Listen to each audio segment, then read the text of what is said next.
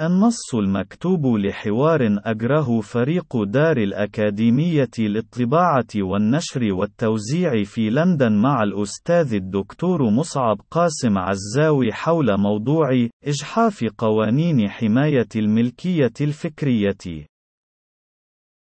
فريق دار الأكاديمية، أشرت في غير مرة إلى رفضك لإجحاف قوانين حماية الملكية الفكرية بحق المجتمعات النامية، فهل يمكن لك توضيح وجهة نظرك بذلك الصدد؟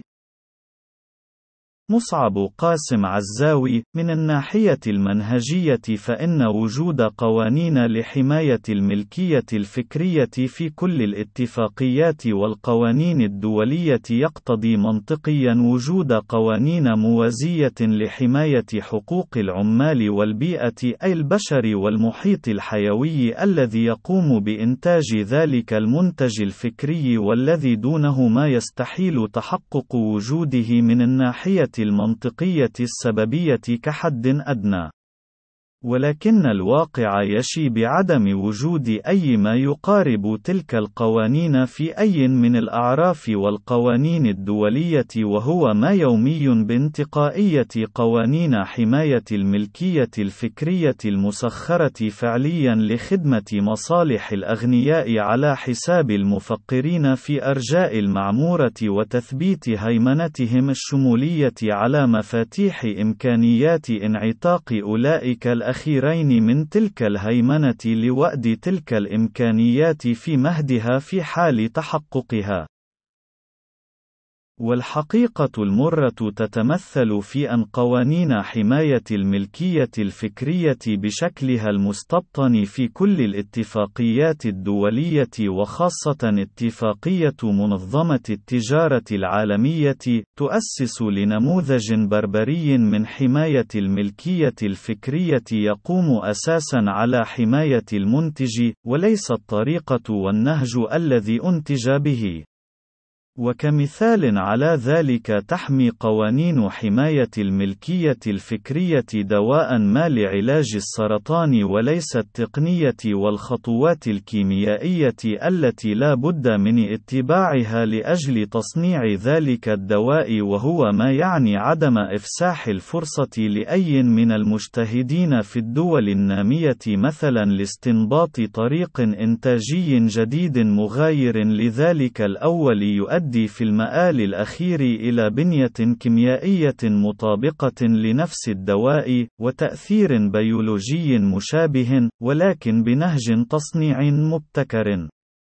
وهو ما يعني في الواقع وأدًا لكل إمكانيات الابتكار والبحث العلمي وتهشيمًا لميل البشر الفطري للسعي في تحسين مستوى حيواتهم بالاجتهاد العقلي والجسدي، وهو ما يعني أيضًا تثبيت سيطرة الأقوياء على الفقراء، والذين يمتلكون القدرة والأدوات لإرغام الفقراء على الالتزام بتلك القوانين الجائرة إذ أن مخالفة مخالفتها يعني مواجهة عسف دول الأقوياء وعقوباتها الاقتصادية الخانقة التي لا يمكن أن تطيقها أي من مجتمعات المفقرين.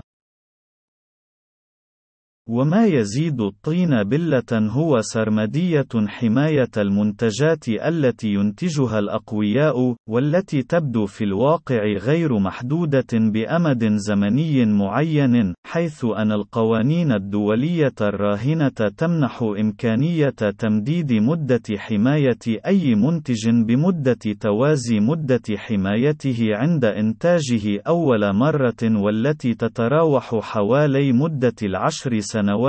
وذلك عند تغيير المنتج نفسه بشكل شكلي لا يغير من وظيفة المنتج شيئا، وفي مثال دواء مرض السرطان السالف الذكر يكون ذلك بإضافة زمرة طرفية عطرية أو سكرية في البنية الكيميائية للدواء وهو ما يمنح الشركة المصنعة له عشر سنوات أخرى من الملكية الحصرية لإنتاج ذلك ذلك الدواء وبيعه بالسعر الذي تشاؤه في السوق العالمية، وهو ما سوف يعني بالتأكيد إنهاكًا واستنزافًا لمقدرات الدول النامية المحدودة التي لا بد أنها سوف تضطر للاقتراض لسداد فواتير ذلك الدواء الباهظ الثمن لرعاية مرضاها وعدم تركهم فريسة للموت المحتوم في الوقت الذي يوجد علاج لحالتهم، وهو أي واقع الاقتراض الذي لا بد أن يكون أيضا من اقتصادات ومؤسسات الأقوياء من قبيل صندوق النقد الدولي والبنك الدولي اللذين من أدوارهما إلزام المجتمعات النامية بعدم مخالفة قوانين حماية الملكية الفكرية الجائرة، وهو ما يعني في المآل الأخير إغال المفقرين في فقرهم وانتشاء الأغنياء بصلفهم وتجبرهم وثرواتهم المتكدسة على حساب المفقرين وحيواتهم،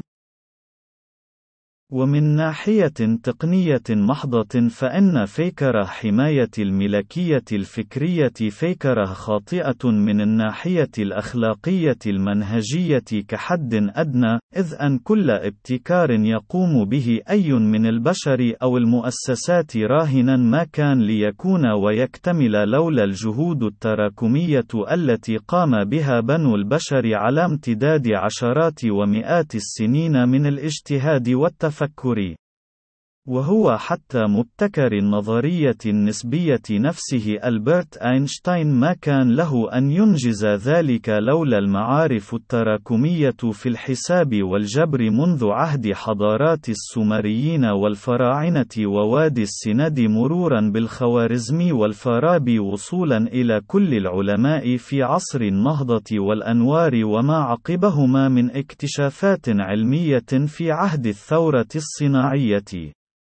وهو ما يعني من الناحية العلمية بعدم أحقية أحد في احتكار نتاج معرفي هو في الواقع ثمرة لتراكم المعرفة البشرية ولا بد من اعتباره والنظر إليه كذلك بشكل يمنحه صفة الحق الطبيعي لكل بني البشر في الوصول إليه للاستفادة منه، والبناء عليه ابتكار وإبداعا بنفس النهج الذي لولاه لما تمكن بنو البشر من الوصول إلى مستوى التمدن الذي يعايشونه راهناً.